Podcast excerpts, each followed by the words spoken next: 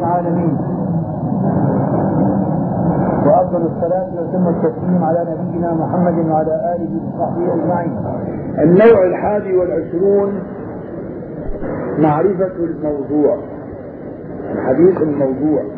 هذا شر أنواع الضعيف. ما أن الحديث ثلاثة أنواع. الصحيح والحسن والضعيف. بل يمكن أن ندمج الحسن والصحيح فنقول المقبول والمردود المقبول الصحيح بنوعيه والحسن بنوعيه والمردود الضعيف بأقسامه وأسوأ أنواع الضعيف هو الموضوع.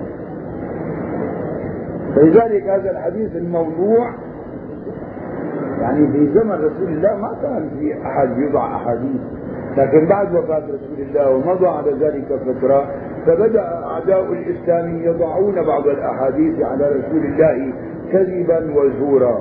ولكن الله عز وجل جعل في هذه الأمة من يحمل يحمل هذا العلم من كل خلف. عجوله ينفون عنه تحريف الغالين وانتحال المبطلين وتأويل الجاهلين. لأن الله عز وجل حفظ هذه الشريعة. عند شريعة موسى لم يتكفل الله بحفظها التوراة.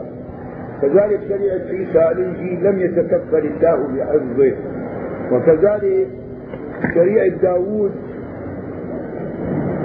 لم يتكفل الله بحفظها. فلذلك حصل فيها تغيير وتبديل. ولم تكن عامة للناس جميعا بل كانت لفترة من الزمن وفي مكان ضيق. واما شريعة نبينا محمد صلى الله عليه وسلم باعتبار أنها عامة لجميع البشر وللأحمر والأسود والعرب والعجم والإنس والجن وهي عامة في جميع أنحاء أنحاء الكرة الأرضية. ولذلك اقتضت حكمة الله عز وجل أن يحفظها من التغيير والتبديل إلى أن يرث الله الأرض ومن عليها. لذلك قال لا تزال طائفة من أمتي ظاهرين على الحق لا يضرهم من خذلهم حتى يأتي أمر الله. وقال النبي صلى الله عليه وسلم إن الله يبعث على رأس كل مئة سنة لهذه الأمة من يجدد لها أمر دينها. وقال عليه الصلاة والسلام مثل أمتي مثل المطر لا يدرى أوله خير أم آخره. وهذا من فضل الله عز وجل لأنه لا يوجد نبي بعد رسول الله محمد صلى الله عليه وسلم فهو رسول إلى العالمين إلى قيام الساعة. ولذلك اقتضت حكمة الله أن يحفظ هذا القرآن وأن تحفظ هذه الشريعة. أما شريعة موسى التوراة فحرفت وغيرت وبدلت. كذلك شريعة عيسى حرفت وغيرت وبدلت. هذا سموه لذلك ما بسموه دين عيسى؟ دين قسطنطين تبع النصارى. لأن هذا قسطنطين غير وبدل في دين النصارى ما شاء. وأما في ديننا فلن يستطيع أحد أن يغير أو يبدل. مهما قام الناس جميعا لكي يطعنوا في هذه الشريعة فهي باقية بدوام الليل والنهار إلى أن يرث الله الأرض ومن عليها. لذلك اللي بتشوفوه هذول دائما بيكتبوا كتابات معاصرة جديدة ويحاولون أن يطعنوا في الإسلام وإنما مثلهم كمثل قول الشاعر كناطح صخرة يوما ليوهنها فلم يضرها وأوهى قرنه الوعي بتكسر قرونه وبيتم مثل الجبل على جبل إذا إجا مثلا خروف أو غزال أو ماعز بده يكسر الجبل ما يتكسر يتكسر قرونه وهكذا أعداء الإسلام تتكسر قرونهم ويبقى الإسلام صحيحا إلى أن يرث الله الأرض ومن عليها، لكن هذا عم يبين إنه هو جرثومه فتاكة عدو من أعداء الإسلام. مثل ما بين هلا أبو بريص اللي هو السام الابرص. ليش الرسول قال إنه إذا ضربته ضربة واحدة قتلته إلى 100 حسنه. شو سوى؟ نزق في نار إبراهيم فإن كان ما بيطلع بده يساوي شيء.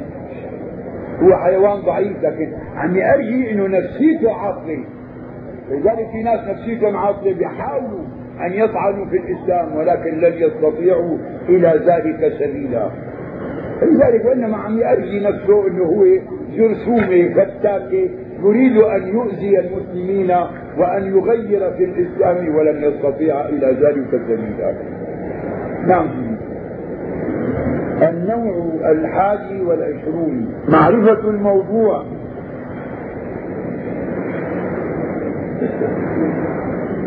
قال أما في اللغة الموضوع فهو الملصق. وضع فلان على فلان كذا أي ألصقه. يعني يجزع عليك البيت المختلق المصنوع. وعلى ذلك شواهد كثيرة. موضوعات كثيرة. ولذلك بالمئات بل بالألوف وضع الناس أحاديث. ولكن لها الجهابزة النقاد الذين يبينونها للناس. منها يعني كيف يعرف الوضع؟ إقرار واضعيه على نفسه. في ناس وضعوا بعض الأحاديث على رسول الله. ثم تابوا إلى الله توبة نصوحا فذكروا ما فعلوا. هذا إقرار من واضعه. لذلك يبقى إنه والله أنا كنا لذلك كثير قال كانوا يقولوا إنه إذا عجبتهم كلمة يضعونها على رسول الله ويثبتونها عنه. لذلك قالوا انه الرسول عليه الصلاة والسلام كل ما قاله فهو جميل وليس كل جميل قاله رسول الله. مو كل ما لقينا عبارة حلوة. والله بنقول نسندها للنبي. ما بيصير لأنه عم نكذب عليه. فالرسول كل ما قاله من الأحاديث فهو جميل جميل. ولكن ليس كل كلمة جميلة قالها. رسول الله حتى تسند اليه لذلك لا يجوز إذا وجدنا عبارة جميلة نقول والله هي تصلح أن يكون حديثا. ولذلك قال رسول الله كذا بصير كذب على رسول الله صلى الله عليه وسلم. ولذلك ترون أحيانا الاحاديث سواء كان اسنادها ضعيف أو في اسنادها وضع قد تكون فيها جمل جميلة. لكن لا يجوز اسنادها إلى رسول الله من كذب علي متعمدا فليتبوأ مقعده من النار. والأحاديث حتى الضعيفه أحيانا قد تكون فيها كلام جميل ولكن كون ما ثبت إسنادها إلى رسول الله لا يجوز لنا أن نقول قال رسول الله وإنما نقولها كحكمة.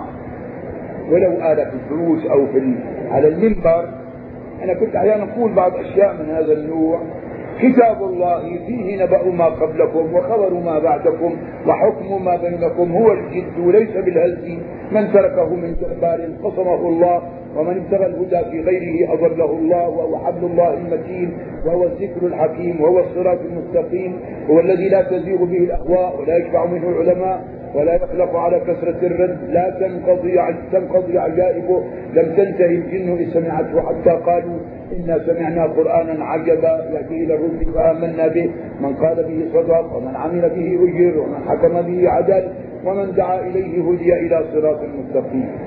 فصفات القرآن موجودة في هذا الكلام لكنه رواه الترمذي عن علي بن أبي طالب وفي سنده الحارث الأعوار وهو ضعيف جدا ولذلك لا نقول قال رسول الله ونذكر هذا الكلام كحكمة.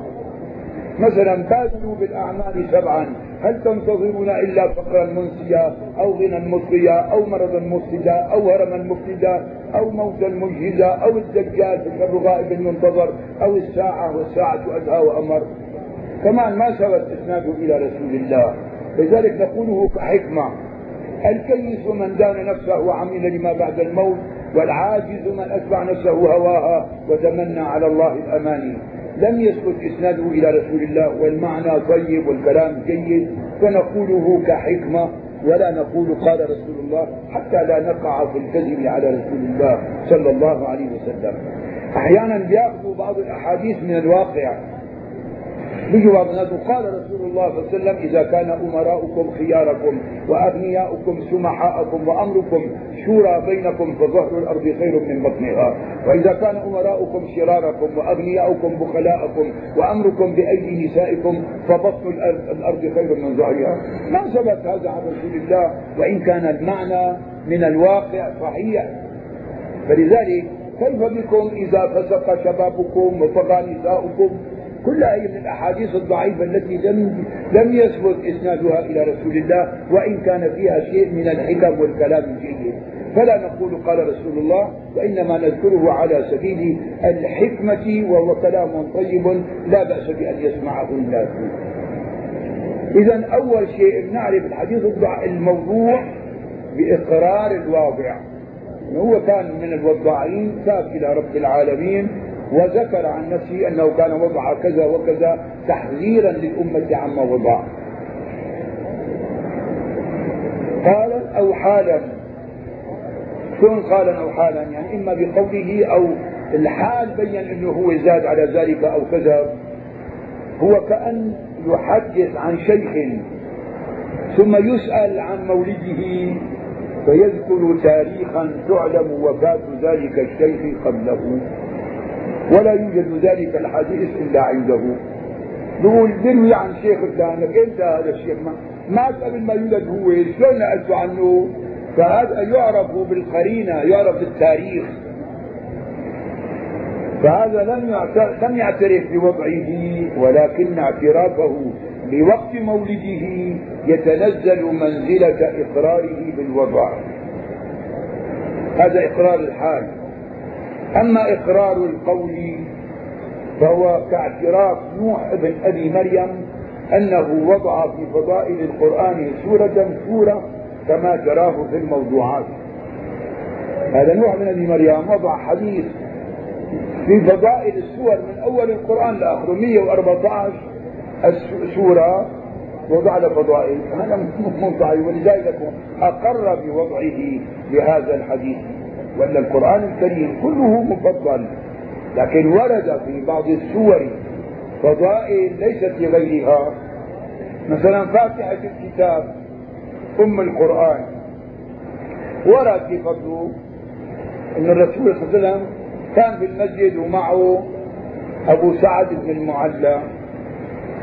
فقال له ألا أخبرك على أفضل سورة في القرآن؟ لما وصل لباب المسجد قال يا رسول الله لقد قلت لي كذا. قال له فاتحة الكتاب إنه هي أفضل سورة في القرآن الكريم.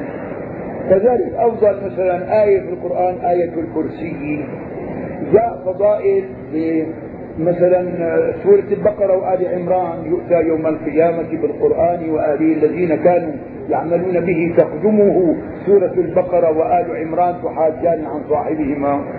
الآيتين الأخيرتين من سورة البقرة آمن الرسول بما أنزل إليه من قرأ الآيتين من آخر سورة البقرة في ليلة كفتاه ورد فضائل مثلا في بعض السور مثل تبارك إن سورة في القرآن ثلاثون آية شفعت لصاحبها حتى غفر له وهي تبارك الذي بيده الملك.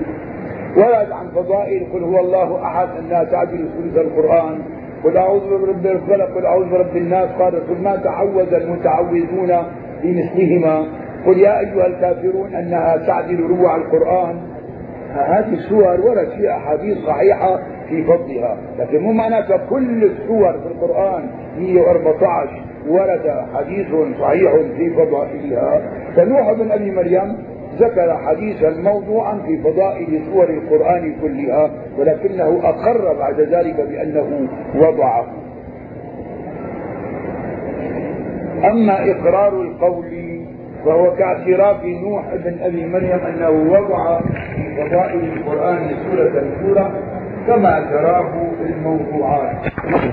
ومن ذلك ركاكة ألفاظه وفساد معناه مثلا الرسول عليه الصلاة والسلام أفصح الفصحاء وأبلغ البلغاء فلا يعقل أن يقول حديثا ويلحن فيه.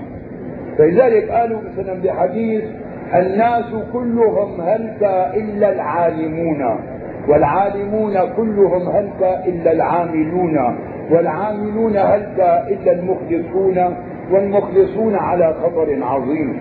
هذا ذكره في كشف الخفاء الشيخ إسماعيل العجلوني وقال قال الصغاني مفترى ملحون مفترى على رسول الله صلى الله عليه وسلم أي كذب عليه وملحون باللغة العربية. أن هذا استثناء تام موجب والاستثناء التام الموجب يجب فيه النصب ما استثنت إلا مع تمام ينتصب وبعد نفي أو كنفي ينتخب اتباع ما اتصل فهذا من المستثنى موجود المستثنى والمستثنى منه وأداة الاستثناء. فينبغي أن يكون منصوبا الناس كلهم هلك إلا العالمين. لو ثبت ولكنه لغة غير صحيح ومعنى لما بيقول والمخلصون على خطر عظيم. إذا كان المخلصون الذين هم خلاصة, خلاصة البشر على خطر عظيم فمن ينجو من هذه الأمة؟ لذلك معناه مو صحيح. لغة مو صحيح مفترى ملحون على رسول الله صلى الله عليه وسلم.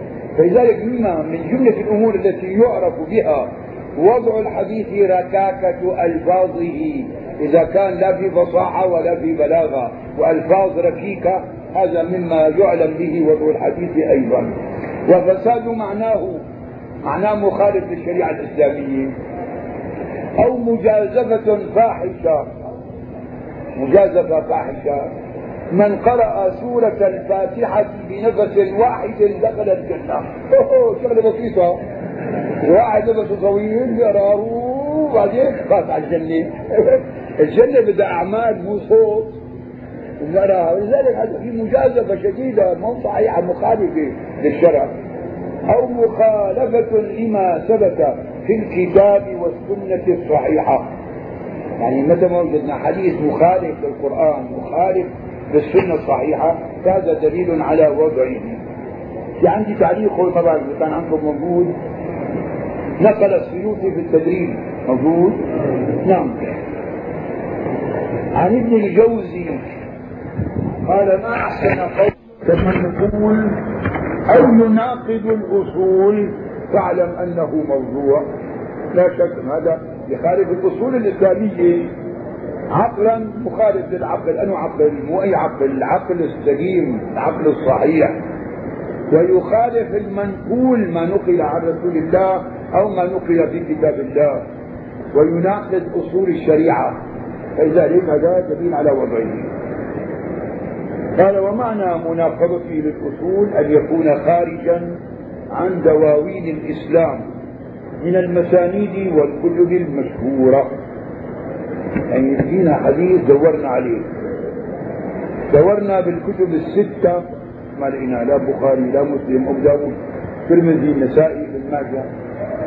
دورنا بالمسانيد ما في. دورنا بالأجزاء ما في.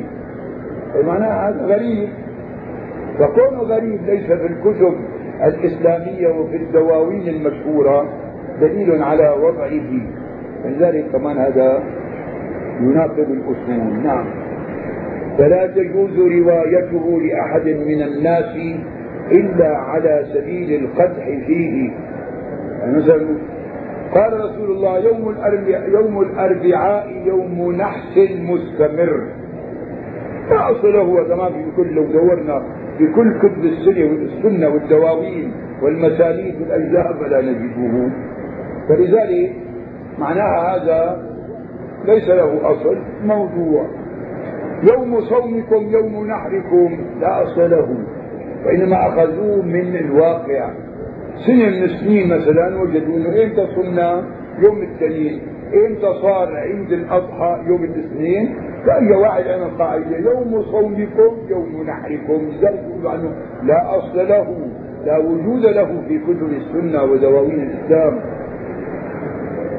فإذا ذكروا على سبيل البيان ما في مانع. ليحذره من يغتر به من الجهلة والعوام والرعاع. هذول الرعاء الأحداث والطغام اللي هيك شباب بدهم يعملوا حالهم فهمانين الإسلام قال الإمام مسلم في مقدمة صحيحه اعلم أن الواجب على كل أحد عرف التمييز بين صحيح الروايات وسقيمها وثقات الناقلين لها من المتهمين أن لا يروي إلا ما عرف صحة مخارجه. والستارة في ناقليه إنه اللي نقله رجل مستور معروف يعني. وأن يتقي منها ما كان عن أهل التهم والمعاندين من أهل البدع. ما بصير حديث عن اي شخص لذلك في ناس بيجوا على البساطة على البركة بشوف واحد عامل لفه كبيرة ولحية كبيرة وهو عامي لا يعرف من العلم شيئا. بيكون حافظ له شي حديث موضوع بيقوم هذا مسكين ما بيعرف بالعلم وما بيتحقق وبيتأكد ولا بيسأل. فيه قال رسول الله كذا. ولذلك يقول الإمام مسلم في مقدمة صحيحه لم نرى في الصالحين أكذب منهم في الأحاديث. قال الإمام النووي في شرح مسلم يجري الحديث على ألسنتهم ولا يتعمدونه يعني من البساطة إيش مشينا قالوا يكون سمعان في حكاية مصايحة منوب مباشرة. لكن طالب العلم إذا سمع بيروح يسأل فاسألوا أهل الذكر إن كنتم لا تعلمون. لذلك ما بيجوز يأخذ الحديث عمن هب وعمن دب ودرج وعمن هب من من الناس. نعم. نرجع والواضعون أقسام كثيرة. منهم زنادقة. مثاله قال قيل يا رسول الله مما ربنا؟ شوف على الحديث الموضوع.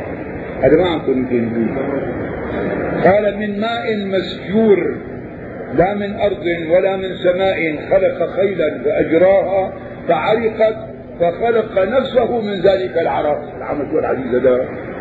قال الله خلق نفسه من عرق الخيل. هذا اولا مكذوب على رسول الله وفي العقيدة مخالف لشريعة الإسلام. رواه الجورقاني في الأباطيل له كتاب في الموضوعات الجورقاني. عندكم هنا جاي. مكتوب الجوزقاني عندكم غلط ما بعرف اللي جاي وين عندكم الله هذا بيجي شوي ثاني ومن طريقه ابن الجوزي في الموضوعات. والحاكم كما في اللآلئ المصنوعة في الأحاديث الموضوعة للسيوطي. قال الجورقاني هذا حديث موضوع باطل كفر. شو الله خلق نفسه من عرق الخيل والكلام هذا؟ لا أصل له عند العلماء.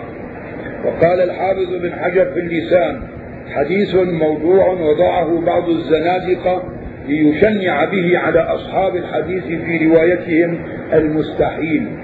فحمله بعض من لا عقل له ورواه وهو مما يقطع ببطلانه شرعا وعقلا. وانظر تنزيه الشريعة واحد 134 نتكلم عليهم هذا كمان ومنهم يعني الوضاعون متعبدة يحسبون أنهم يحسنون صنعا يضعون أحاديث فيها ترغيب وترهيب وفي فضائل الأعمال وليعمل بها. شوفوني ما بعد كمثل ميسر بن عبد ربه وقد روى العقيلي في الضعفاء بسنده إلى عبد الرحمن بن مهدي. قال قلت لميسر بن عبد ربي بن عبد ربه في هذا الحديث الذي حدث فيه في فضائل القرآن. إيش هو؟ يعني ما هو؟ قال هذا وضعته أرغب الناس في القرآن. ما شاء الله. خط حديث موضوع مشان ترغيب في فضائل القرآن. ما في الصحيح ما يغني عن الضعيف. نرجع لفوق وهؤلاء طائفة من الكرامية شوفوا عندكم هون بالتعليقات في غلط عند الكرامية حطوا في رقم شو مكتوب عندكم الرقم؟ لا شو الرقم اللي بعده وين الكرامية؟ شو الرقم؟ ها؟ ثلاثة فهذا ثلاثة سووا على فوق قديش على الكرامية؟ اثنين سووا اثنين كرامية فوق اثنين وتحت ثلاثة سووا اثنين.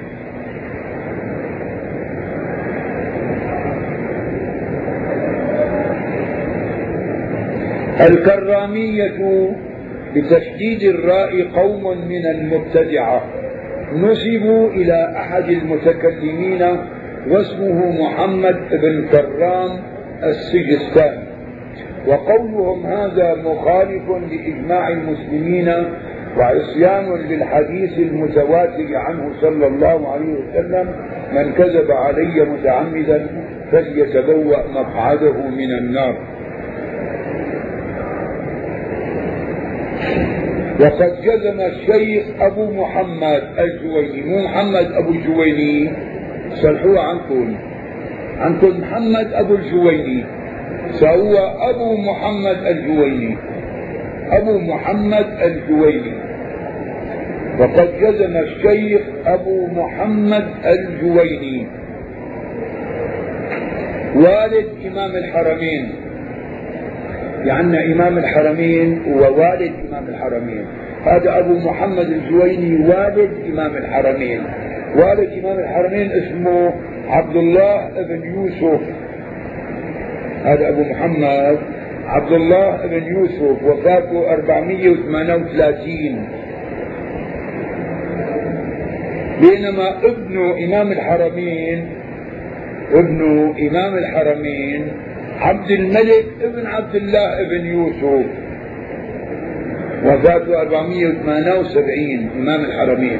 أما هذا نحن هون عنا والد إمام الحرمين عبد الله بن يوسف أبو محمد وفاته 438 وقد جزم الشيخ أبو محمد الجويني والد إمام الحرمين بتكفير من وضع حديثا على رسول الله صلى الله عليه وسلم قاصدا إلى ذلك. أي متقصد عالما بافترائه وهو الحق. في تعليق عندي أنا مشان الكلام في ذلك بحث فقد قال الحافظ بن حجر في فتح الباري بعد نقله ذلك عن الجويني لكن ضعفه ابنه إمام الحرمين ومن بعده. مو أبوه بتكفير من كذب. الإبن إمام الحرمين ضعف هذا قول والده. ومال ابن المنير إلى اختياره ووجهه بأن الكاذب عليه تحليل حرام مثلا لا ينفك عن استحلال ذلك الحرام أو الحمل على استحلاله. واستحلال الحرام كفر. إذا فعل ذلك واستحله فهو كافر. والحمل على الكفر كفر. وفيما قاله نظر لا يخفى والجمهور على أنه لا يكفر إلا إذا اعتقد حل ذلك. إذا اعتقد حل الكذب على رسول الله يكفر. وأما كذب على رسول الله ولا يعتقد حل ذلك يفسق فهو فاسق وظالم. نرجع لفوق عند الكرامية وغيرهم وهم من أشر ما فعل. عندكم شلون في رقم بقى؟ صلحوا هذا من أشر تحت. قديش رقم من أشر فوق اثنين. شو تحت وين من أشر؟ نقل السبكي في الطبقات الكبرى من ال... ولا شو عندكم مكتوب انتو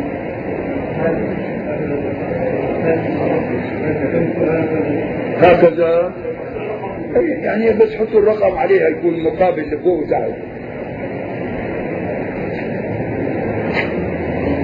لما يحصل بضررهم من الغرة. عندكم من الغرر ما؟ معلش غرر وغرة بيجوز فيها. على كثير ممن يعتقد صلاحهم فيظن صدقهم وهم شر من كل كذاب في هذا الباب. يعني عامل حاله صاحب دين ومنظوم وكذا وبيكذب على رسول الله. وقد انتقد الأئمة كل شيء فعلوه من ذلك وسطروه عليهم في زبرهم يعني في كتبهم. عارا على واضعي ذلك في الدنيا ونارا وشنارا في الآخرة. قال رسول الله صلى الله عليه وسلم من كذب علي متعمدا فليتبوأ مقعده من النار وهذا متواتر عنه. ذلك هذا من الأحاديث المتواترة بل من أشهر الأحاديث المتواترة من كذب علي متعمدا فليتبوأ مقعده من النار. قال بعض هؤلاء الجهلة مثل يعني بيصنعوا بالصلاح والتقوى. نحن ما كذبنا عليه إنما كذبنا له. يعني كذبنا مشان خاطر النبي فرق بين الكل شو في الفرق بين كذبنا عليه أو كذبنا له؟ تعطل ذلك الحافظ بن حجر في النكت قائلا وهو جهل منهم باللسان لأنه كذب عليه في وضع الأحكام. وهذا من كمال جهلهم وقلة عقلهم وكثرة فجورهم وافترائهم فإنه عليه الصلاة والسلام لا يحتاج في كمال شريعته وفضلها إلى غيره. وقد صنف الشيخ أبو الفرج ابن الجوزي كتابا حافلا في الموضوعات. وهو مطبوع في ثلاث مجلدات لكن طبعة رديئة سقيمة مو جيدة غير أنه يعني ابن الجوزي رحمه الله اشتهر بالوعظ. كان واعظا مؤثرا يجتمع في درسه في الوعظ ألوف البشر. وله تأثير عظيم في الوعظ. ولكن في الوعظ كان يتساهل. فقد يأتي في الوعظ بأحاديث ضعيفة بل ربما أحيانا بأحاديث موضوعة. كذلك في تفسيره زاد المسير في علم التفسير تساهل في الحديث. فقد أورد بعض الأحاديث عن الحاكم في المستدرك موضوعة إلا أنه صححها الحاكم فاستشهد بها. ولما ألف كتابه الموضوعات تشدد زيادة عن اللزوم. حتى حكم في حديث هو في صحيح مسلم بأنه موضوع. لذلك يعني بده نظر لذلك يعني مهما كان الرجل عالم لا بد من النظر في كتبه. ما في عندنا كتاب يخلو من الملاحظة عليه مهما كان شأنه. فلذلك ما من كتاب إلا وعليه ملاحظات. إلا كتاب الله عز وجل الذي تنزيل من حكيم حميد لا يأتيه الباطل من بين يديه ولا من خلفه. وطبعا كلام الرسول اعتبار النبي معصوم عليه الصلاة والسلام ولكن الناس أدخلوا في كلام رسول الله أحاديث موضوعة كذلك. أما القرآن لا يمكن أن يكون فيه آيات موضوعة لأنه كلام الله. أما كلام الرسول كلام بشر. ولذلك دخل فيه بعض الأحاديث الموضوعة. فهنا ابن الجوزي قال غير أنه أدخل فيه ما ليس منه. من أجل هذا صنف على كتابه العلامة السيوطي كتابا سماه التعقبات على الموضوعات. مطبوع قديما ويعمل ويعمل على إعادة تنقيحه وتحقيقه أخونا مشهور حسن سلمان سلمه الله. هذا يعني بده يحقق الكتاب. نرجع لفوق وخرج عنه ما كان يلزمه ذكره فسقط عليه ولم يهتدي إليه. في تعليق هون في عندكم في تعليق؟ ألف الحافظ أبو, أبو الفرج عبد الرحمن بن الجوزي كتابا كبيرا عبد الرحمن بن علي بن الجوزي أبو الفرج جمال الدين وفاته 597 هجري. 597 ألف الحافظ أبو الفرج عبد الرحمن بن الجوزي كتابا كبيرا في مجلدين. هذا عم يقول الحكي هذا أحمد شاكر كلام من زمان مجلدين بعدين طبع في ثلاث مجلدات لكن طبعة رديئة سقيمة جمع فيه كثيرا من الأحاديث الموضوعة. أخذ غالبه من كتاب الأباطيل. هذا الأباطيل للجورقاني عندكم جوزقاني يمكن. سوى الجورقاني بالراء وبضم الجيم. للجورقاني. هذا الجورقاني اسمه الحسين ابن إبراهيم. وفاته 543 الحسين ابن إبراهيم الجورقاني وفاته 543 كتابه اسمه الأباطيل يعني الموضوعات. فابن الجوزي أخذ كثيرا من الأحاديث من هذا الكتاب الأباطيل للجورقاني ذاك وفاته 543 هو 597 ولكن أخطأ في بعض أحاديث انتقدها عليه الحفاظ. قال الحافظ ابن حجر غالب ما في كتاب ابن الجوزي موضوع والذي ينتقد عليه بالنسبة إلى ما لا ينتقد قليل جدا. وفيه من الضرر أن يظن ما ليس بموضوع موضوعا. عكس الضرر بمستدرك الحاكم فإنه عنكن فبانه أو ليش فإنه فبانه فإنه يظن ما ليس بصحيح صحيحا.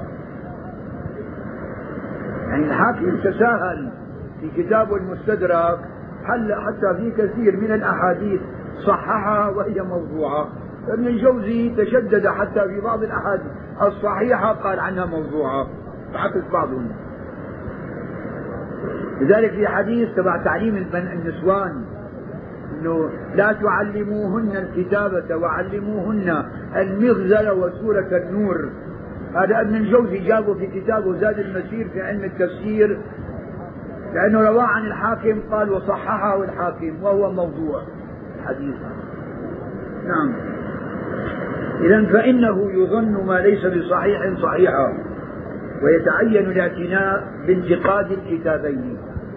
الحاكم صاحب المستدرك على الصحيحين كتابه المستدرك بده اعتناء بده انتقاد. وكذلك الموضوعات ابن الجوزي يحتاج إلى انتقاد. فإن الكتابين في تساهلهما عدم الانتفاع بهما إلا لعالم بالفن. يعني واحد عالم بمصطلح الحديث وتراجم الرجال يستطيع أن يحكم على الحديث بالصحة والحسن والضعف فلا بأس بأن يقرأ كتاب الحاكم وكذلك الموضوعات ابن الجوزي. لأنه ما من حديث إلا ويمكن أن يكون قد وقع فيه التساهل. وقد لخص الحافظ السيوطي كتاب ابن الجوزي عندكم ابن ما في حطوا ابن ما هي؟ كتاب ابن الجوزي كلمة ابن ناقصة عندكم في الكتاب يعني. وتتبع كلام الحفاظ في تلك الأحاديث وخصوصا كلام الحافظ ابن حجر في تصانيفه وأماليه مين؟ السيوطي رجع إلى ابن حجر في كثير من هذه الأحاديث. في مصنفات ابن حجر العسقلاني وأماليه. ثم أفرد الأحاديث المتعقبة في كتاب خاص وهما اللآلئ المصنوعة وزين اللآلئ المصنوعة. لذلك هذا كتاب اللآلئ المصنوعة في الأحاديث الموضوعة للحافظ السيوطي أحسن من كتاب الموضوعات لابن الجوزي لأنه هو استدرك على ابن الجوزي في بعض الأشياء. وألف ابن حجر كتاب القول المسدد في الذب عن المسند مسند أحمد بن حنبل. أي مسند الإمام أحمد بن حنبل رحمه الله. ذكر فيه أربعة وعشرين حديثا من المسند. جاء بها ابن الجوزي في الموضوعات وحكم عليها بذلك ورد عليه ابن حجر ودفع قوله. ثم ألف السيوطي ذيلا عليه. سماه الذيل الممهد. ذكر فيه أربعة عشر حديثا أخرى كتلك من المسند ثم ألف ذيلا لهذين الكتابين سماه القول الحسن في الذب عن السنن. كمان السيوطي هذا. أورد فيه مئة وبضعة وعشرين حديثا من السنن الأربعة أبو داود الترمذي النسائي بن ماجه. حكم ابن الجوزي بأنها موضوعة ورد عليه حكمة. ومن غرائب تسرع الحافظ ابن الجوزي في الحكم بالوضع أنه زعم وضع حديث في صحيح مسلم. وهو حديث أبي هريرة مرفوعا إن طالت بك مدة أوشك أن ترى قوما يغدون في سخط الله ويروحون في لعنته. في أيديهم مثل أذناب البقر. رواه أحمد في المسند رقم كذا وهو في صحيح مسلم. وهذا حكم عليه السيوطي مين؟ ابن الجوزي بالوضع. فأخطأ ابن الجوزي في هذا. وقد حكي عن بعض المتكلمين. هذا ما خلفت قال ابن حجر في القول المسدد ولم أقف في كتاب الموضوعات لابن الجوزي على شيء حكم عليه بالوضع وهو في أحد الصحيحين غير هذا الحديث وإنها لغفلة شديدة منه. يعني بالبخاري ومسلم هذا الحديث تبع مسلم اللي حكم عليه بالوضع ابن الجوزي طبعا هذا يعني كان حقيقة غفلة إنه حديث صحيح مسلم يقول عنه موضوع. في عندي هون تعليق أنا. وذكر مسلم قبله بإسناد آخر عن أبي هريرة بلفظ صنفان من أهل النار لم أرهما. قوم معهم سياط كأذناب البقر يضربون بها الناس حناية عن الظلم ونساء كاسيات عاريات مائلات مميلات رؤوسهن كأسنمة البخت المائلة لا يدخلن الجنة ولا يجدن ريحها وإن ريحها ليوجد من مسيرة كذا وكذا.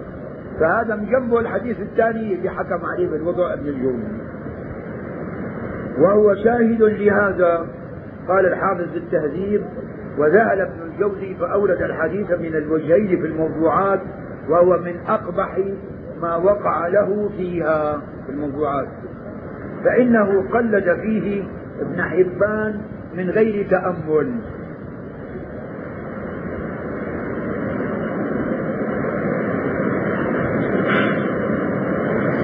وختم الحافظ ابن الحافظ ابن حجر في القول المسدد كلامه على هذا الحديث بقوله فلقد أساء ابن الجوزي بذكره في الموضوعات حديثا من صحيح مسلم وهذا من عجائبه. من عجائب ابن الجوزي. نرجع لفوق. وقد حكي عن بعض المتكلمين إنكار وقوع الوضع بالكلية.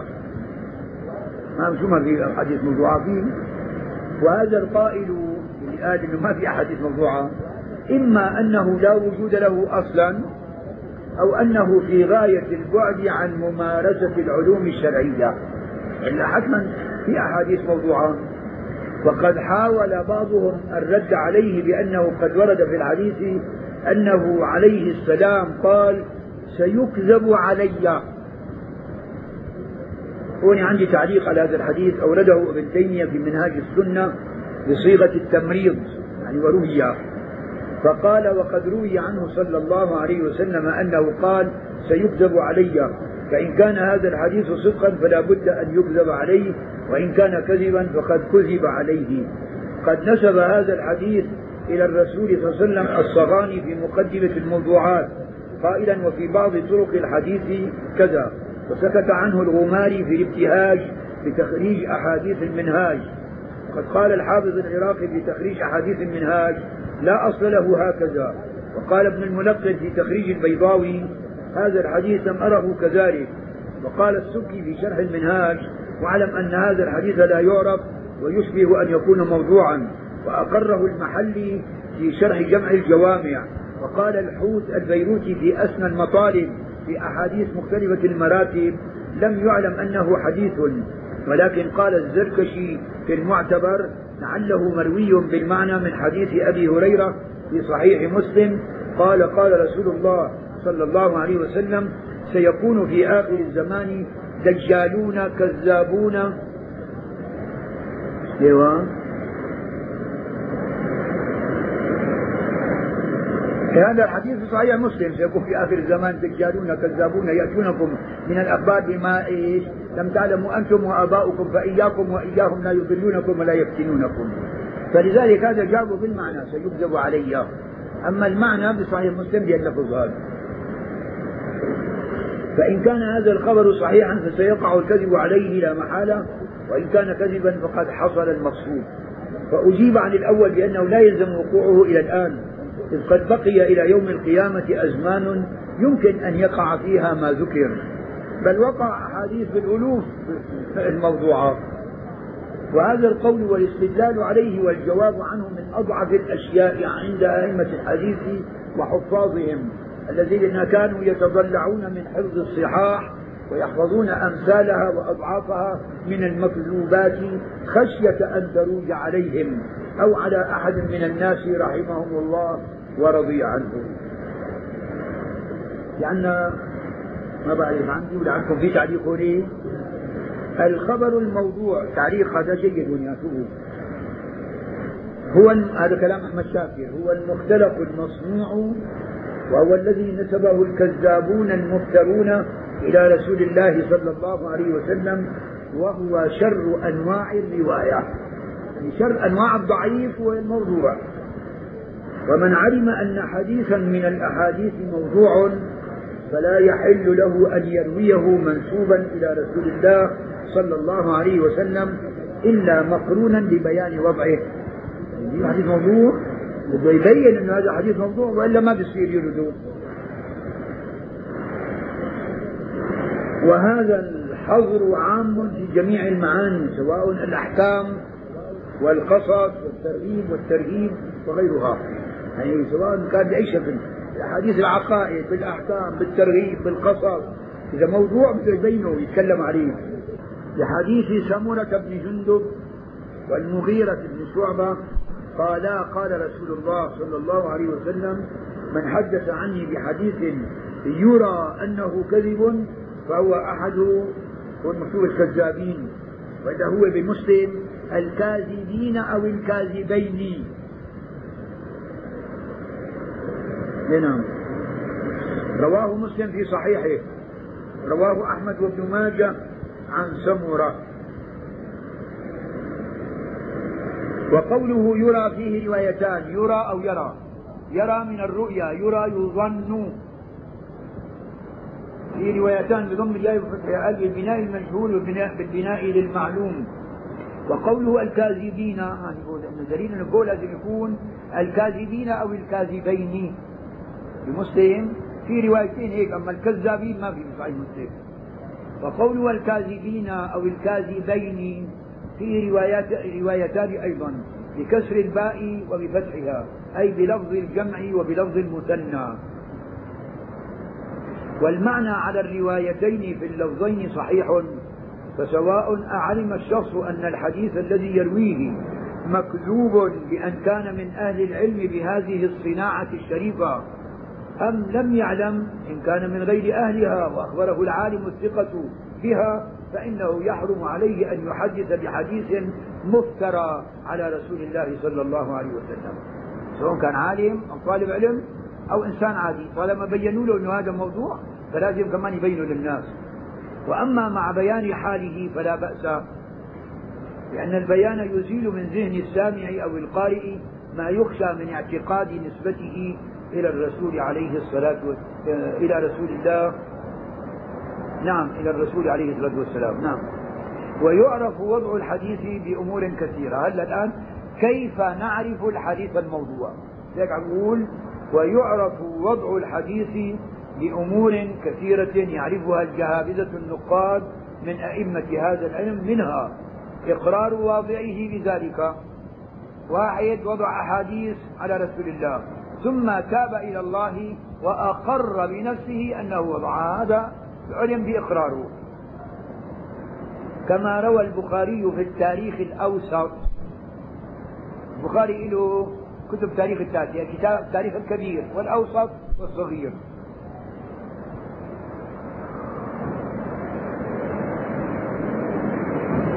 نعم. عن عمر بن صبح ابن عمران التميمي أنه قال وأنا وضعت خطبة النبي صلى الله عليه وسلم. لا هذا مثل كتاب الخطب اللي أنتم أنا حاطين لكم اياه لأنه في ألفاظ فصيحة كذا وإلا في موضوعات منها نفس الخطب هي. كأن الموت على غيرنا قد كتب كأن كأن هذا. ما عاد صحيح. نعم. وكما أقر إذا هنا عرفنا بإقرار عمر بن صبح التميمي. هو نفسه قال أنا وضعت خطبة النبي صلى الله عليه وسلم. وكما أقر ميسرة بن عبد ربه الفارسي. أنه وضع أحاديث في فضائل القرآن وأنه وضع في فضل علي سبعين حديثا. في فضل علي بن أبي طالب رضي الله عنه. سبعين حديثا موضوعا. فنحن نحب علي بن أبي طالب رضي الله عنه وهو أحد الخلفاء الراشدين وهو صهر رسول الله وابن عمه ومن المجاهدين الكبار. ولكن لا يجوز أن نكذب على رسول الله بمدح علي بن أبي طالب. لا من زمان هذا بيجوا حكايات وقصص. من زمان حتى بالمقاهي كان من زمان بيجوا حكواتي بيجيب هيك قصص موضوعة فتوح مدينة سكرين على يد البطل الهمام والأسد الضرغام الأسد الهمام علي بن أبي طالب. لا يقصوا أفكار وأجوان. هذا من زمان يعني الشيء هذا. نعم. فلذلك لا إفراط ولا تفريط. نحن نحب علي بن أبي طالب رضي الله عنه لكن لا نكذب إيش؟ على رسول الله لمدحه كذلك ما بيجوز بالمقابل أن الواحد يتكلم. كان هون في بعض أشياء لا يقولها. اللي بيسموا أنفسهم من أهل السنة. وهي لا يجوز. كانوا بيجوا بيعملوا عرضات بالمظاهرات وبالأعراس. علي ما مات خلف بنات بناته سود شكل القرود بناته بيض شكل العفاريت. أعوذ بالله. يعني ما بيجوز منه بأي شكل. لذلك هذا مما انه الشيعة بيمسكوه علينا أنتم عم تقولوا الحكي هذا. كان يقال لذلك لا يجوز هذا الكلام. فلا يجوز الطعن ولا يجوز المدح الزائد. ولذلك الرسول عليه الصلاة والسلام عن نفسه قال في حديث صحيح البخاري روى البخاري في صحيحه عن عمر بن الخطاب رضي الله عنه قال سمعت رسول الله صلى الله عليه وسلم يقول لا تطروني كما أطرت النصارى. عيسى بن مريم إنما أنا عبد فقولوا عبد الله ورسوله. لذلك قال لا ترفعوني فوق قدري فإن الله قد اتخذني عبدا قبل أن يتخذني رسولا. فذلك ما إذا برسول الله ما بيجوز المدح الزائد أن نوصله لمرتبة الألوهية. لأنه وصل الأمر إلى أن يقول الناس يا رسول الله خذ بيدي. يا رسول الله مددك. يا ابن عبد الله الأمان. يا رسول الله شو غوثا ومدد. هذا كله مبالغات. فلذلك الرسول لا يرضى عن هذه الأمور. فلا يجوز المبالغة في رسول الله حتى نوصله إلى مرتبة الألوهية. ولا يجوز المدح في علي حتى يصل إلى مرتبة النبوة. وإنما يقف الإنسان عند حدود وسط لا إفراط ولا تفريط. فلذلك لاحظوا هلا بشهر الله المحرم بيوم عاشوراء كمان المسلمين بين إفراط وتفريط. ناس يضربوا حالهم في ذاك النهار. ليش؟ قال لمقتل الحسين. وناس بيصوموا يوم عاشوراء. ليش؟ بيصوموا لأنه الله نجى موسى بن عمران من فرعون. لذلك هذا أصله. أما كونه حصلت مشكلة ثانية قتل فيها الحسين نحن نحزن على الحسين وأي مسلم فيه ذرة من إيمان يتفطر قلبه دما عندما يسمع بمقتل أمثال هؤلاء. ولكن هل يجوز أن نضرب أنفسنا؟ لا. الرسول قال ليس منا. من ضرب الخدود وشق الجيوب وشق الجيوب ودعا بدعوى الجاهلية. على النبي ما يجوز نقتل حالنا. أبو بكر عمر عثمان لا أبو بكر عمر بن الخطاب قتل بالمحراب. هو عم يصلي. هل يجوز أن نقتل أنفسنا لأجله؟ عثمان بن عفان قتل وهو يقرأ القرآن في بيته. علي بن أبي طالب وهو يخرج من بيته لصلاة الفجر في 17 رمضان قتل. ليش ما بنقتل حالنا مشان عمر وعثمان وعلي؟ علي بن أبي طالب أفضل من الحسين. فهذا خطأ. كذلك في ناس يوم عاشوراء يقول لك بيضوها. شو بيضوها؟ يعني يحطوا أكل وشرب وزيادة. هي اجتنا من من من مين هي غلط؟ من قتله الحسين. يعني قتلوا الحسين كانوا يعملوا فرح.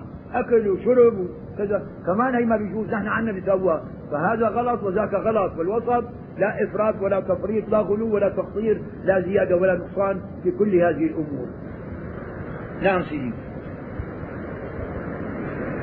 فهذا ميسر بن عبد ربه الفارسي وضع أحاديث في فضائل القرآن وأنه وضع في فضل علي سبعين حديثا.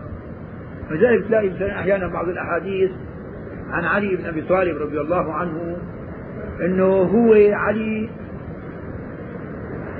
أنه مشان يسدوا الباب على أبي بكر وعمر بذكروا من فضائل علي ببعض الأحاديث اللي هي غير صحيحة. وكما أقر أبو عصمة نوح ابن أبي مريم والملقب بنوح الجامع أنه وضع على ابن عباس أحاديث في فضائل القرآن سورة سورة. 114 سورة بالقرآن ذكر لها فضائل مع أنه لوارد بعض السور في فضائلها مو كلها. نعم سيدي. ومنها ما ينزل منزلة إقراره هذيك عرفنا بالإقرار. أو ما ينزل منزلة الإقرار شلون؟ كأن يحدث عن شيخ بحديث لا يعرف إلا عنده ثم يسأل عن مولده فيذكر تاريخا معينا. ثم يتبين من مقارنة تاريخ ولادة الراوي بتاريخ وفاة الشيخ المروي عنه أن الراوي ولد بعد وفاة شيخه. شو بده يروي عنه إذا كان بعد ما مات وولد هذا يعني يكون مقام الإقرار. ينزل منزلة الإقرار. أو أن الشيخ توفي والراوي طفل لا يدرك الرواية أو غير ذلك. كما ادعى مأمون ابن أحمد عندكم أحمدي مو هيك؟ الياء؟ محمود ابن أحمد الهروي. يا زايد عنكم أنه سمع من هشام بن عمار فسأله الحافظ بن حبان متى دخلت الشام؟ قال سنة خمسين ومائتين. فقال له فإن هشاما الذي تروي عنه مات سنة 245 إذا ذاك مات 245 هو إجا للشام 250 لكن ما اجتمع فيه ولا شافوه بعد وفاته خمس سنوات. فقال هذا هشام بن عمار آخر. عشان ينفذ الكذبة تبعه. ليش ما في غير ابن هشام بن عمار واحد واحد ثاني. من هو يبين لنا وقد يعرف الوضع أيضا بقرائن في الراوي أو المروي أو فيهما معا. لذلك قال زمان أحمد بن حنبل ويحيى بن معين راحوا دخلوا في جامع وجدوا واحد قصاص حكواتي عم يحكي. وعم يجيب لها الحكايات هذول بيقولوا حدثني أحمد بن حنبل ويحيى بن معين أنه قال كذا. طلع يحيى بيقول لك أنت حدثته؟ انت والله ما عندي خبر بالموضوع لما خلاص فهو عم يجوا بيعطوه كل واحد أعطيات.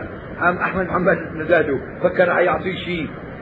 قال له من حدثك بهذا الذي قال له أحمد بن حنبل ويحيى بن معين. قال له أنا أحمد بن حنبل وهذا يحيى بن معين. قال له والله ما عرفت إنه أحمد بن حنبل ويحيى أحمق غير هلا ليش ما في غيركم أحمد بن حنبل. يعني دجل كمان. إنه في غيركم مو أنت. الله أكبر.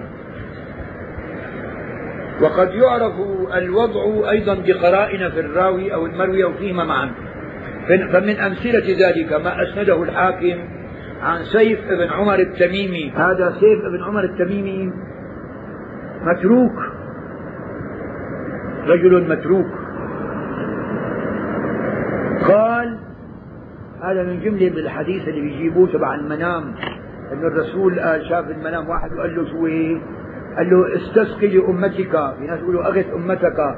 هذا من رواية سيف بن عمر التميمي اللي هو متروك. قال كنت عند سعد بن طريف. فجاء ابنه من الكتاب يبكي. يعني كان له عن مشايخ يسموه كتاتيب. فكتاب اجى من عند الشيخ وعم يبكي الولد. فقال ما لك؟ قال ضربني المعلم. قال لأخزينهم اليوم. حدثني عكرمة. دغري لبس حديث موضوع شو سؤال؟ حدثني عكرمة عن ابن عباس مرفوعا معلمو صبيانكم شراركم. أقلهم رحمة لليتيم وأغلظهم على المسكين. هذا من عنده اخترعه سواه حديث مشان إيه ضرب للمعلمين. لذلك هذا الحديث مع, أنه موضوع القرطبي استشهد به في تفسيره. ذلك دائما. الحديث يؤخذ من كتب الحديث لا يؤخذ لا من التفسير ولا من الفقه. ابن حبان عن كل حيان وإيه؟ فهو وقال ابن حبان كان يضع الحديث. وراوي القصة عنه سيف ابن عمر هذا التميمي قال فيه الحاكم اتهم بالزندقة وهو في الرواية ساقط.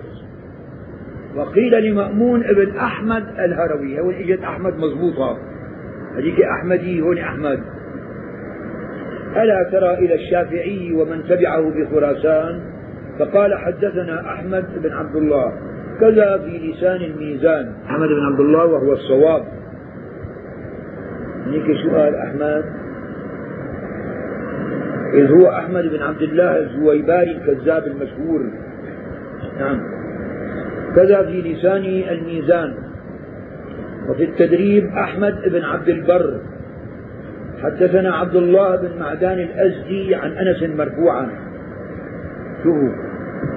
يكون في أمتي رجل يقال له محمد بن إدريس الشافعي يعني رحمه الله الإمام. أضر على أمتي من إبليس أعوذ بالله من الشيطان الرجيم. ويكون في أمتي رجل يقال له أبو حنيفة هو سراج أمتي. يعني إذا واحد حنفي بده يمدح أبو حنيفة يقدح الإمام الشافعي. لذلك هذا حديث موضوع. موجود في الموضوعات ابن الجوزي. قال ابن الجوزي عقبه يعني لمن أوردوا في كتاب الموضوعات هذا حديث موضوع لعن الله واضعه. لأنه عم يلعن الشافعي ويمدح أبو حنيفة فهذا لذلك كل الأحاديث الواردة في الأئمة الأربعة من صحيحة. لا عن أبي حنيفة ولا عن مالك ولا عن الشافعي ولا عن أحمد. كل الأحاديث الواردة بأنه ما كانوا في زمن رسول الله حتى يرد فيهم أحاديث.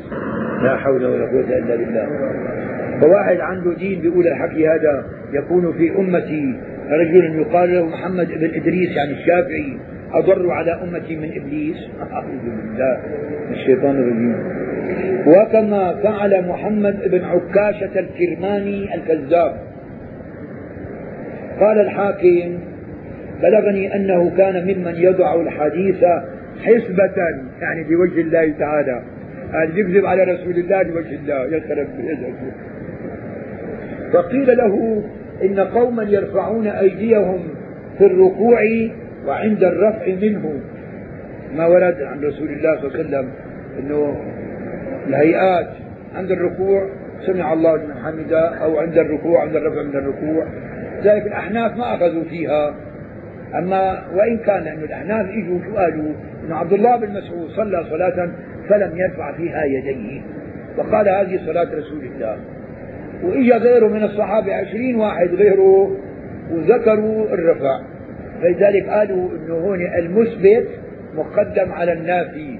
والذي روى الزيادة لم يروها غيره فزيادة الثقة مقبولة. فشو شو نبقى سؤال؟ عن الحديث هذا.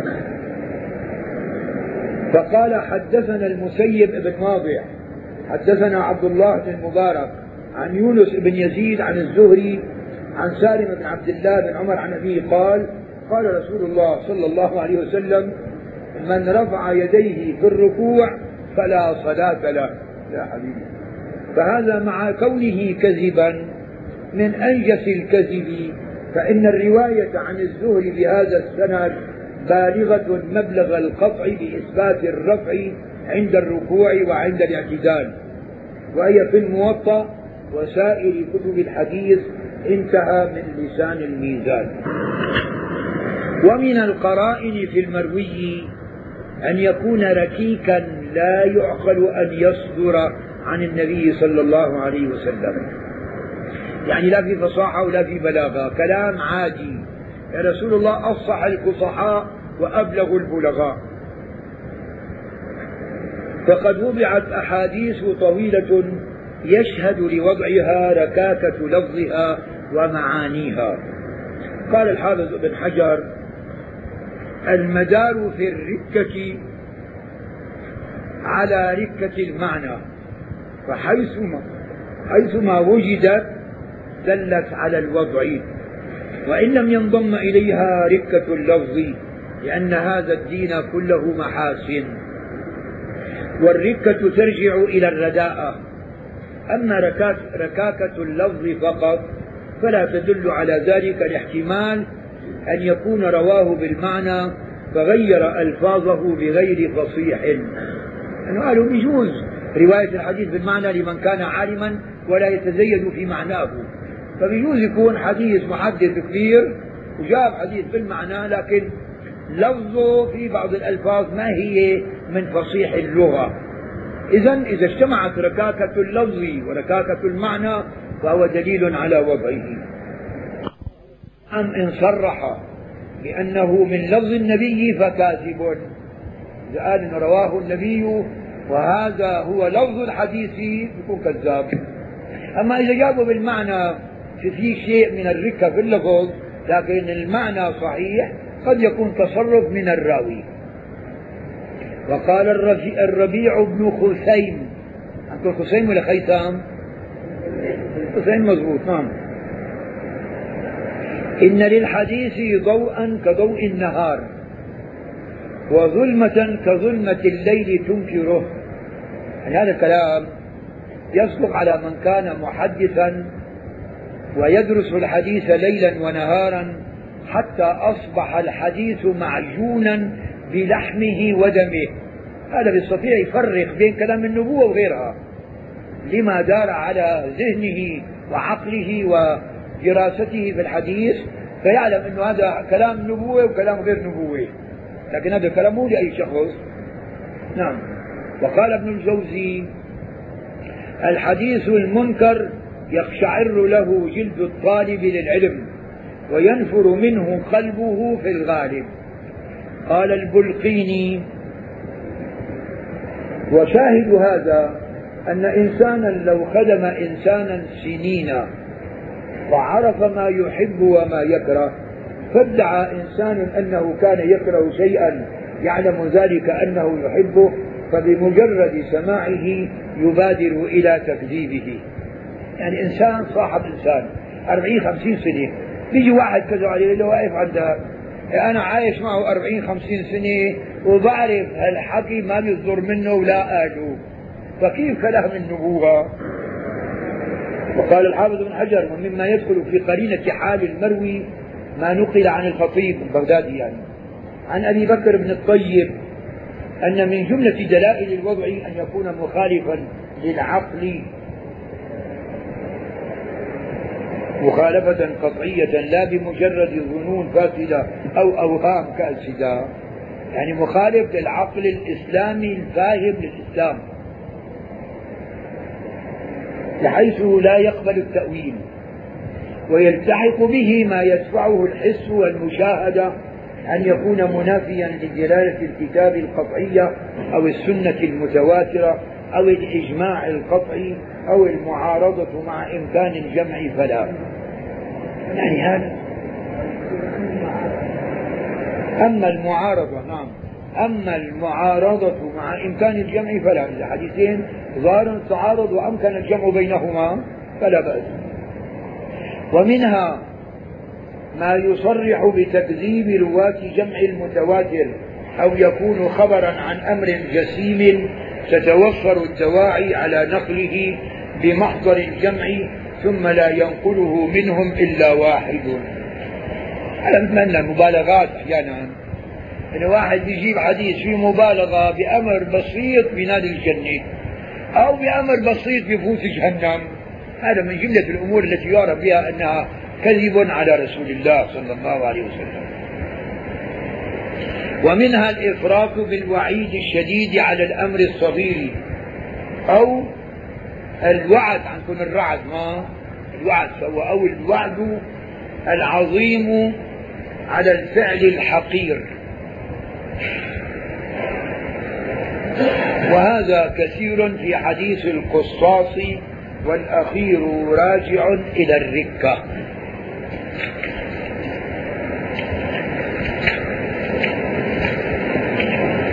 قال السيوطي ومن القرائن كون الراوي رافضيا والحديث في فضائل أهل البيت. يعني هلا أهل البيت على العين والرأس لكن في ناس كذبوا على أهل البيت فما بناخذ هذا الكذب الكذب عليهم. لذلك إذا واحد مغالي هذول ليش سموهم رافضة؟ هذا كان أحد أهل البيت. رحمه الله. شو اسمه؟ زيد بن علي بن الحسين بن علي بن أبي طالب. هذا إمام. وله مسند مسند زيد اللي تابعين له الزيدية في اليمن. وهذا أو بسموه الجامع الصغير لمسند زيد. وله شرح أربع مجلدات الروض النظير في شرح الجامع الصغير لزيد بن علي بن الحسين بن علي بن أبي طالب.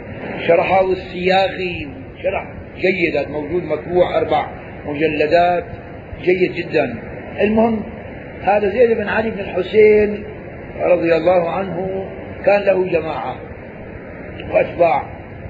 أتباعه اجوا يوم من الأيام قالوا له ما لك لا تقع في الشيخين؟ قالوا له ليش أنت ما تطعن بابو بكر وعمر؟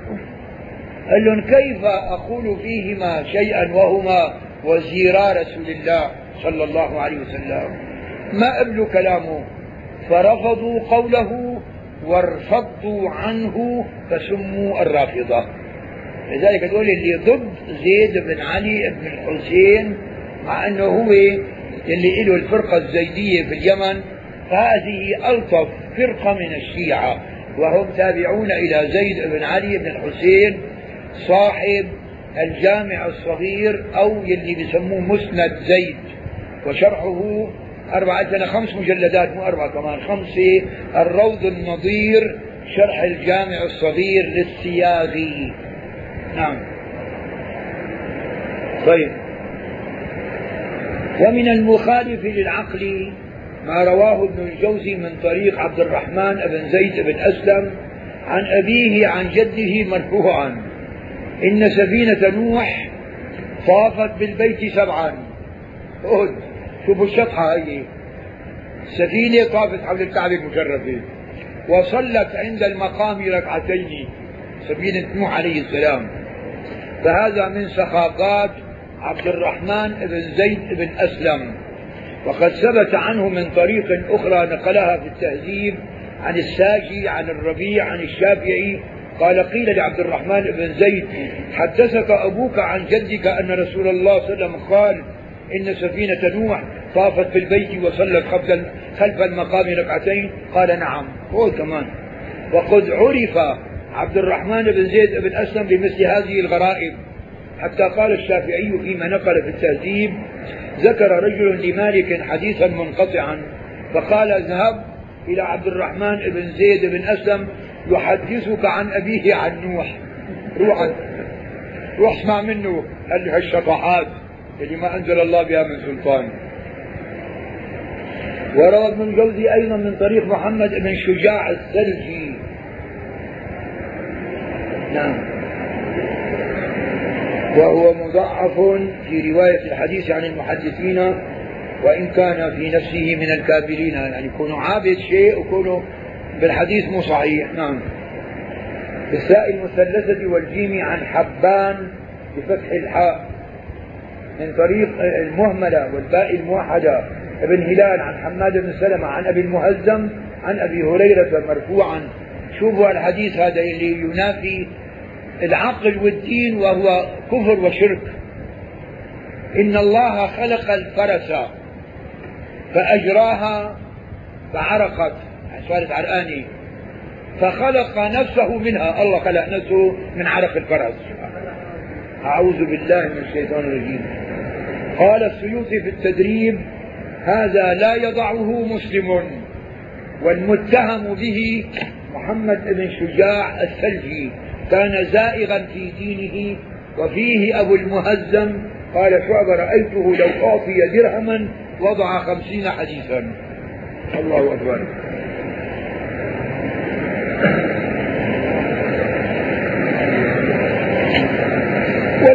التي دعت الكذابين والوضاعين إلى الافتراء ووضع الحديث كثيرة.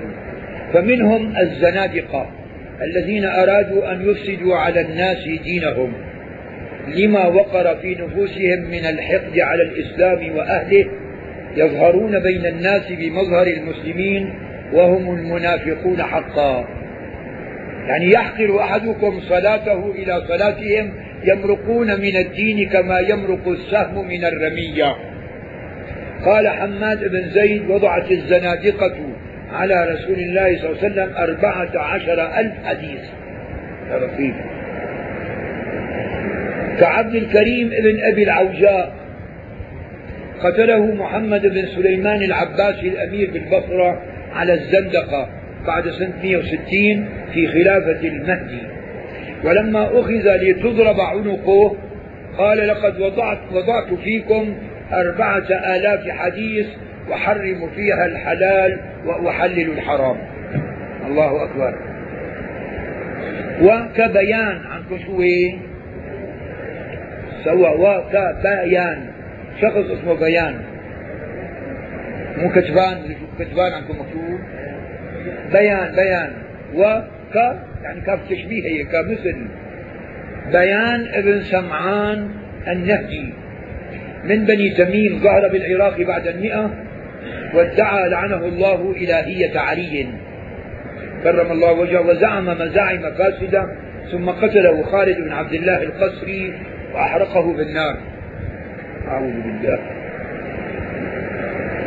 هذا خالد بن عبد الله القسري كان شديد الزيادة. حتى هو متهم ببعض الأشياء. خالد بن عبد الله القسري هذا زمان خطب خطبة العيد كان أمير. وقال عم يتكلم عن الأضاحي.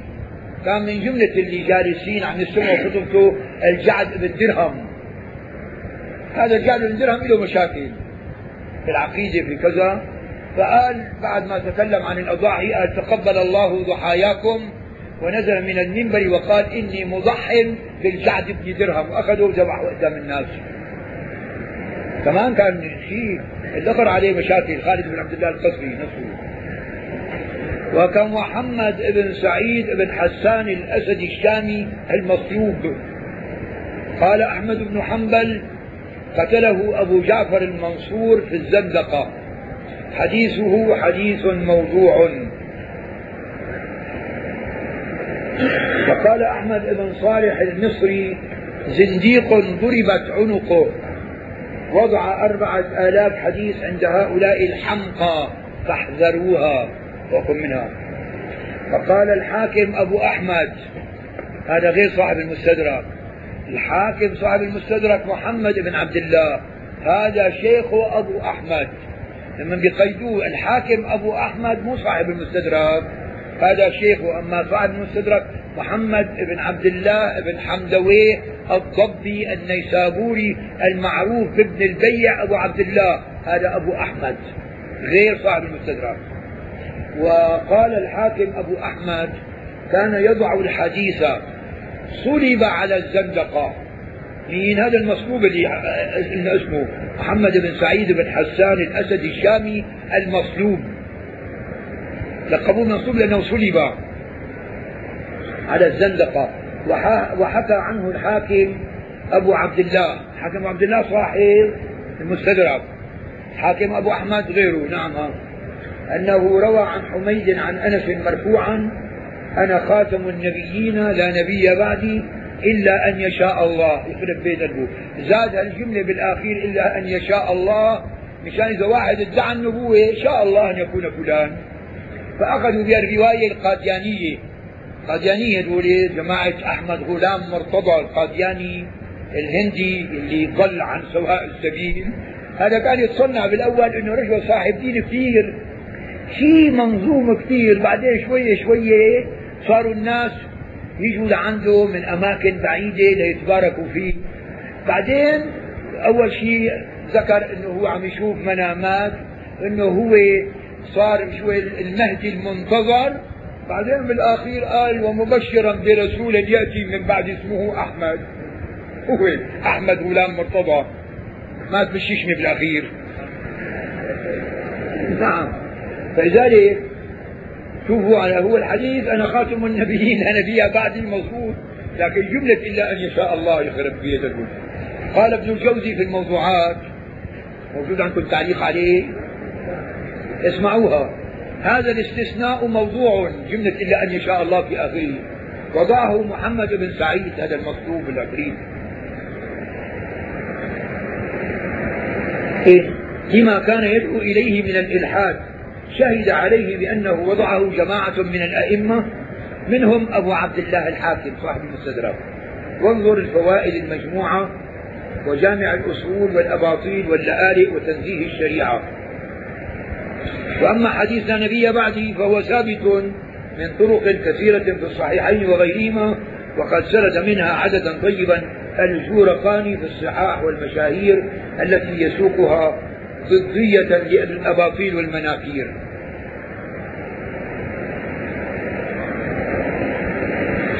قال ابن الملقن في المقنع وعجب من ابن عبد البر المعروف صاحب التمهيد شوفوا كيف ذكر في تمهيده هذا الحديث ذكروا بها اللفظات لا نبي بعد إلا أن شاء الله ولم يتكلم عليه بل أول الاستثناء على الرؤيا.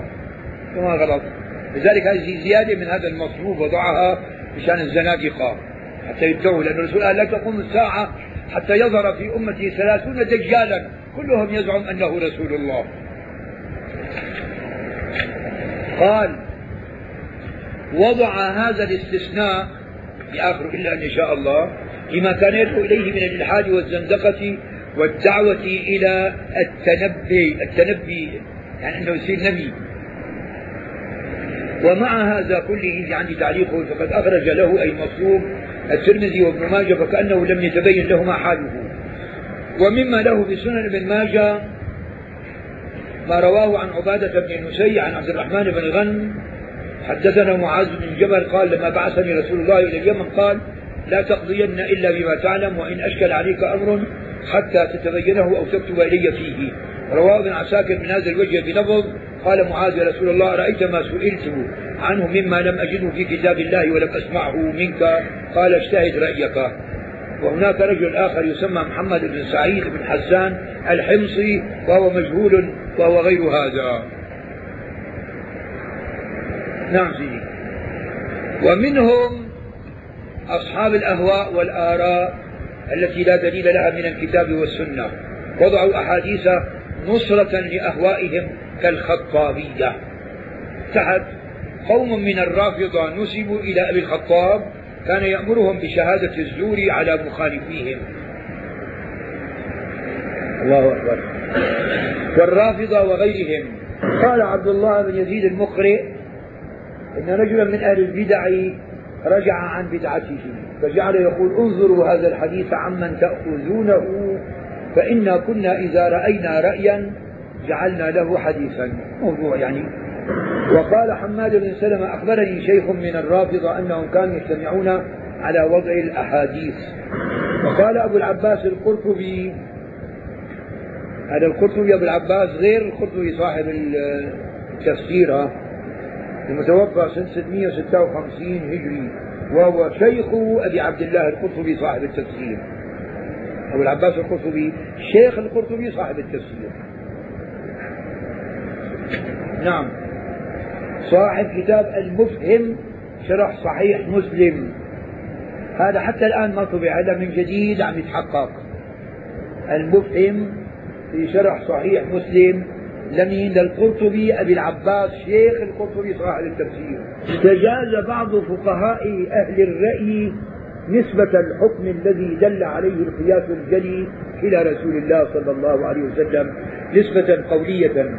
فيقولون في ذلك قال رسول الله كذا ولهذا ترى كتبهم مشحونة بأحاديث تشهد متونها بأنها موضوعة لأنها تشبه فتاوى الفقهاء ولأنهم لا يقيمون لها سندا. نقله السخاوي في شرح ألفية الحديث والمتبولي في مقدمة شرحه على الجامع الصغير.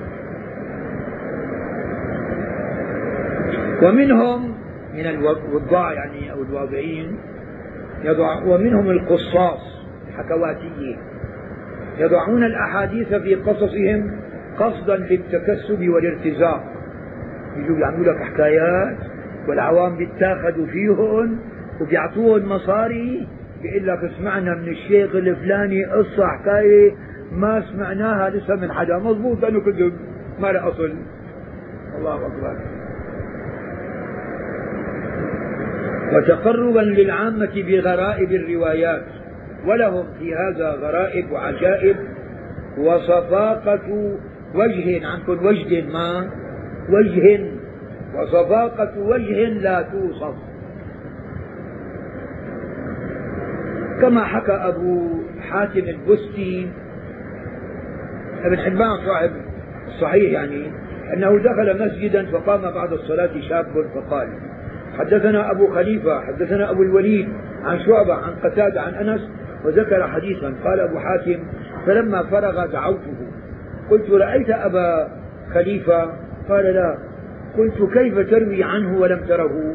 فقال إن المناقشة معنا من قلة المروءة. يعني جماعة ما بصير ينحكى معنا أنا أحفظ هذا الإسناد.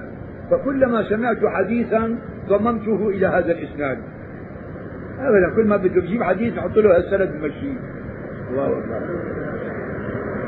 وأغرب منه ما روى ابن الجوزي في الموضوعات يعني بإسناده إلى أبي الفضل جعفر الفضل موجود عندكم. إلى أبي الفضل الطواب جعفر ابن محمد الطيالسي قال صلى شو هي الحكاية اللي حكيناها هذه صلى أحمد بن حنبل ويحيى بن معين في مسجد الرصافة في بغداد العراق. فقام بين أيديهم قاص فقال حدثنا أحمد بن حنبل ويحيى بن معين. قال حدثنا عبد الرزاق عن معمر عن قتادة عن أنس. قال قال رسول الله صلى الله عليه وسلم من قال لا إله إلا الله خلق الله من كل كلمة خيرا منقاره من ذهب وريشه من مرجان. وأخذ في قصة نحو من عشرين ورقة. قصة طويلة فجعل أحمد بن حنبل ينظر إلى يحيى بن معين وجعل يحيى بن معين ينظر إلى أحمد فقال له حدثته بهذا؟ فيقول والله ما سمعت هذا إلا الساعة فلما فرغ الحكواتي من قصصه وأخذ العطيات. عطوا المصاري ثم قعد أنتم لقصد قصد مضبوط يعني. ينتظر بقيتها. قال له يحيى بن معين بيده تعالى. فجاء متوهما لنوال يعني لعطاء فقال له يحيى من حدثك بهذا الحديث؟ فقال أحمد بن حنبل ويحيى بن معين. فقال أنا يحيى بن معين وهذا أحمد بن حنبل ما سمعنا بهذا قط في حديث رسول الله صلى الله عليه وسلم. فقال لم أزل أسمع أن يحيى بن معين أحمق. ما تحققت هذا إلا الساعة. كأن ليس فيها يحيى بن معين وأحمد بن حنبل غيركما. فقد كتبت عن سبعة عشر أحمد بن حنبل ويحيى بن معين.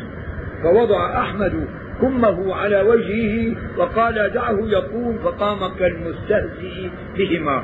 كما ضحك يا منين جايبين جايين في الجدبان لهنا يكونها لأنه هو قدام العامة بيأكلوا قتله كان أحمد حنبل يحيى بن معين اذا بدهم يحكوا شيء هذا آخذ الساحة. الله أكبر. وأكثر هؤلاء القصاص جهال تشبهوا بأهل العلم واندسوا بينهم فأفسدوا كثيرا من عقول العامة. ويشبههم بعض علماء السوء الذين اشتروا الدنيا بالآخرة تقربوا إلى الملوك والأمراء والخلفاء بالفتاوى الكاذبة والأقوال المخترعة التي نسبوها إلى الشريعة البريئة واجترأوا على الكذب على رسول الله صلى الله عليه وسلم إرضاء للأهواء الشخصية ونصرا للأغراض السياسية فاستحبوا العمى على الهدى كما فعل واحد من النوع هذا. غياث بن إبراهيم النخعي الكوفي الكذاب الخبيث كما وصفه إمام أهل الجرح والتعديل يحيى بن معين. فإنه دخل على أمير المؤمنين المهدي. وكان المهدي يحب الحمام ويلعب به. نماتيا يعني. فإذا قدامه حمام. تعليق عنه يعني. فأمر له المهدي ببدرة. يعني عشرة آلاف درهم. فلما قام قال أشهد على قفاك أنه قفا كذاب على رسول الله صلى الله عليه وسلم. ثم قال المهدي أنا حملته على ذلك. ثم أمر بذبح الحمام ورفض ما كان فيه. إنه بعدين استدرك قال والله على سبب أنه اعطاه مصاري وهو عم يكذب على رسول الله. ذبح الحمام كله وقال أنا حملته على هذا مشان يكذب حتى ثاني مرة بصير يكذب أكثر وفعل نحوا من ذلك. مين هو غياث هذا عفريت اللي زاد تبع الطير. وفعل نحوا من ذلك مع أمير المؤمنين الرشيد. فوضع له حديثا أن رسول الله صلى الله عليه وسلم كان يطير الحمام. فلما عرضه على الرشيد قال اخرج عني فطرده عن بابه. وكما فعل مقاتل ابن سليمان البلخي. هذا عالم وله أقوال بالتفسير. استشهدوا فيه دائما مقاتل ابن سليمان ومقاتل ابن حيان. هذا مقاتل ابن سليمان مفسر. من كبار العلماء بالتفسير فإنه كان يتقرب إلى الخلفاء بنحو هذا بالكذب على رسول الله.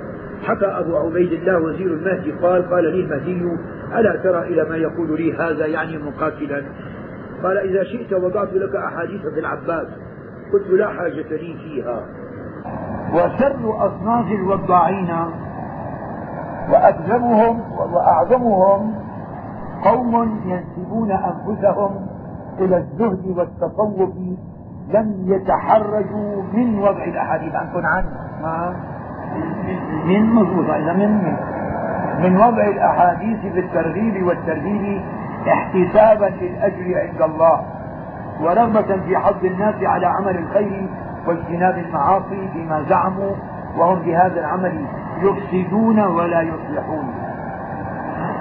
لذلك ظن منهم إنه والله عما إيش يجيبوا أشياء مشان الناس يأرجوها يكذبوا على على رسول الله.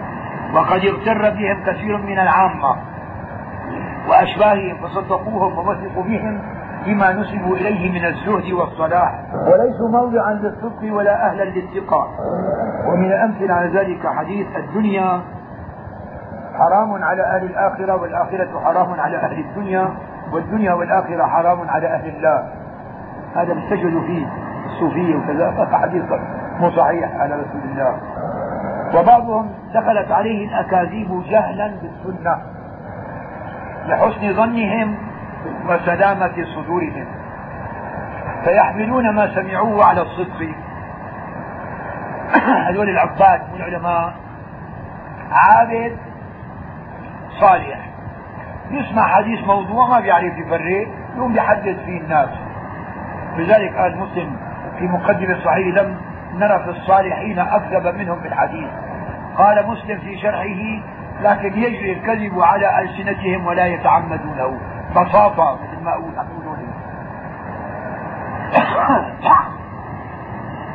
فيحملون ما سمعوه على الصدق ولا يهتدون لتمييز الخطأ من الصواب. عندكم تميز يمكن. تمييز؟ نعم. وهؤلاء أخف حالا وأقل اسما من أولئك. ولكن الوضاعون منهم أشد خطرا. لخفاء حالهم على كثير من الناس.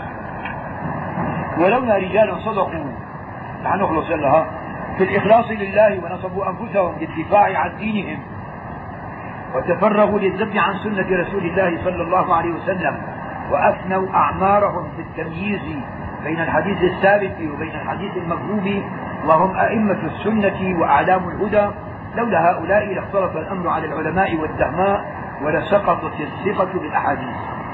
فرسموا قواعد للنقص حتى قواعد المصطلح. ووضعوا علم الجرح والتعديل. فكان من عملهم علم مصطلح الحديث. وهو أدق الطرق التي ظهرت في العلم للتحقيق التاريخي ومعرفة النقل الصحيح من الباطل. فجزاهم الله عن الأمة والدين أحسن الجزاء ورفع درجاتهم في الدنيا والآخرة وجعل لهم لسان صدق في الآخرين. وقد قيل لعبد الله بن المبارك الإمام الكبير هذه الأحاديث الموضوعة فقال تعيش لها الجهابذة. في علماء بينوها. إنا نحن نزلنا الذكر وإنا له لحافظون. ومن الأحاديث الموضوعة المعروفة الحديث المروي عن أبي بن كعب مرفوعا في فضائل القرآن سورة سورة. لذلك نقول رواه ابن الجوزي في الموضوعات. وابن مردويه كما في الإسعاف في تخريج أحاديث الكشاف قال ابن الجوزي هذا حديث مصنوع بلا شك بكلام ركيك في نهاية البرودة لا يناسب كلام رسول الله صلى الله عليه وسلم. وقد ذكره بعض المفسرين في تفاسيرهم. هذا تفسير أبي بن كعب مرفوعا وهذا كذب كالثعلبي والواحدي والزمخشري والبيضاوي. هو حطوا الحديث بكتبون في التفسير وقد أخطأوا في ذلك خطأ شديدا. قال الحافظ العراقي ولكن لكن من أبرز من أبرز إسناده منهم كالأولين يعني الثعلبي والواحدي فهو أبسط لعذره. وحط السند ممكن يدرس الواحد السند ويتكلم عليه. إذ أحال ناظره على الكشف على سنده وإن كان لا يجوز له السكوت عليه. وأما من لم يبرز سنده وأورده بصيغة الجزم فخطأه أفحش. يعني هذول الثلاثة وضعوه في الكتب لكن بسنده. كمان غلط لكن إذا واحد حطه بالكتاب من كتب التفسير ومن دون سند كأنه أخذه مسلما. وأكثر الأحاديث الموضوعة كلام اختلقه الواضع من عند نفسه وبعضهم جاء لكلام بعض الحكماء يجيبوا حكمة بيعملوها حديث أو لبعض الأمثال العربية فركب لها إسنادا مكتوبا ونسبها إلى رسول الله صلى الله عليه وسلم أنها من قوله. وقد يأتي الوضع من الراوي غير مقصود له وليس هذا من باب الموضوع بل هو من باب المدرج ما مر معنى أنه زيادات الحديث في أوله وسطه وآخره. كما حدث لثابت بن موسى الزاهد في حديث من كثرت صلاته بالليل حسن وجهه بالنهار وقد سبق تفصيلا في باب المدرج والحمد لله رب العالمين.